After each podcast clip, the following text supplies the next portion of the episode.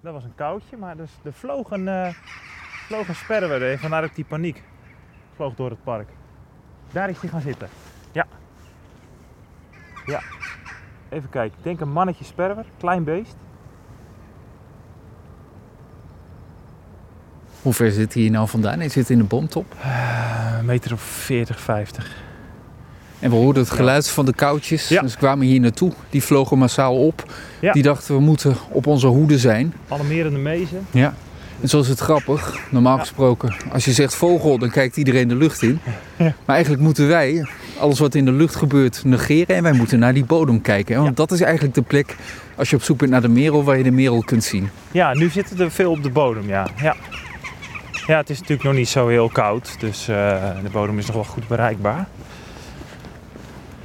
En dan tussen het bladerdek uh, hoor je af en toe wat geritsel. Zitten daar vaak merels. Op zoek naar voedsel. Ja. En dan eten ze regenwormen. Maar ze eten, ja, in bessen dus. Dat, dat vertelde je een uur geleden al. Maar ja. ze eten volgens mij ook slakken of zo, toch? Uh, ja, ook wel eens. Dat is wat meer de zanglijster die daarop gespecialiseerd is natuurlijk. Hè. Uh, merels doen dat bij mijn weten een stuk minder.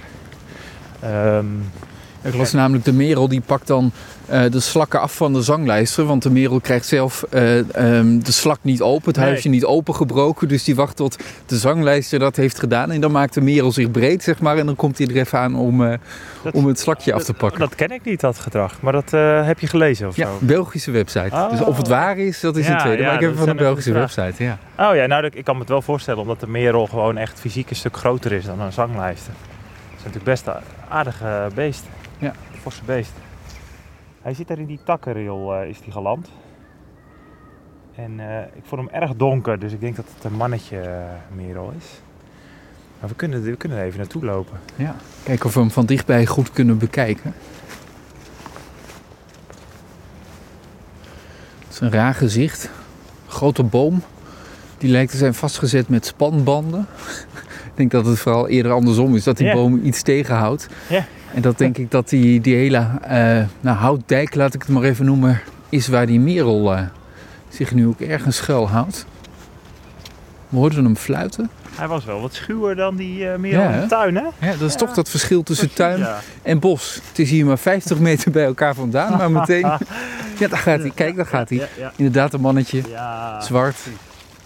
Wat leuk. De meeste me mensen die veel naar vogels in hun tuin kijken die herkennen ook hun eigen merels wel. Uh, vaak zit er wel een veertje scheef of een wit veertje of een zwart puntje aan de snavel. Erin. Als je goed kijkt, dan zijn, is eigenlijk geen merel hetzelfde. En dat, dat kan wel handig zijn om, uh, om die merels uh, uit elkaar te houden.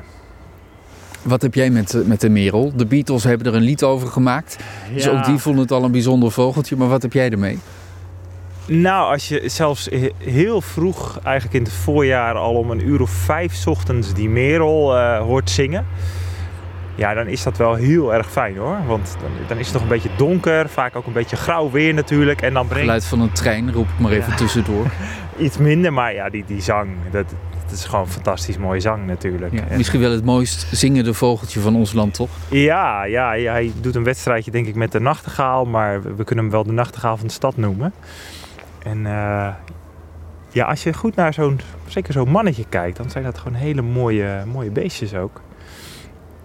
En er zijn er gewoon veel van, dus dat is ook fijn aan een vogel. Dat, dat je gewoon regelmatig een merel tegenkomt die, uh, die je goed kunt bekijken. 2022, het jaar van de merel. Het jaar waarin we hopelijk veel meer gaan leren over deze vogel die overal om ons heen voorkomt. Die toch een beetje onder druk staat, maar nog steeds is het de meest voorkomende vogel in ons land. Um, tot slot, weet jij welke Franse wijn naar de merel is vernoemd? De Merlot? Precies. Ja? Ah, dat wist ik niet. Hey. Nou, weer wat geleerd. Er ging weer iets. Ik hou het op een rood bosje, maar het ging zo snel dat ik het niet goed zag. voor de merel, ja. Nou. Ja, ik denk het ook. Ja. Ik dank jou wel voor een mooie ochtend. Ja, graag gedaan. Kijk hoeveel merels we tegenkomen op de terugweg. Ja, oproep aan iedereen. Doe mee met de, de mereltelling. En dan gaat het niet om je vrouw of je vriendin, mocht die toevallig merel heten. Inderdaad, ja.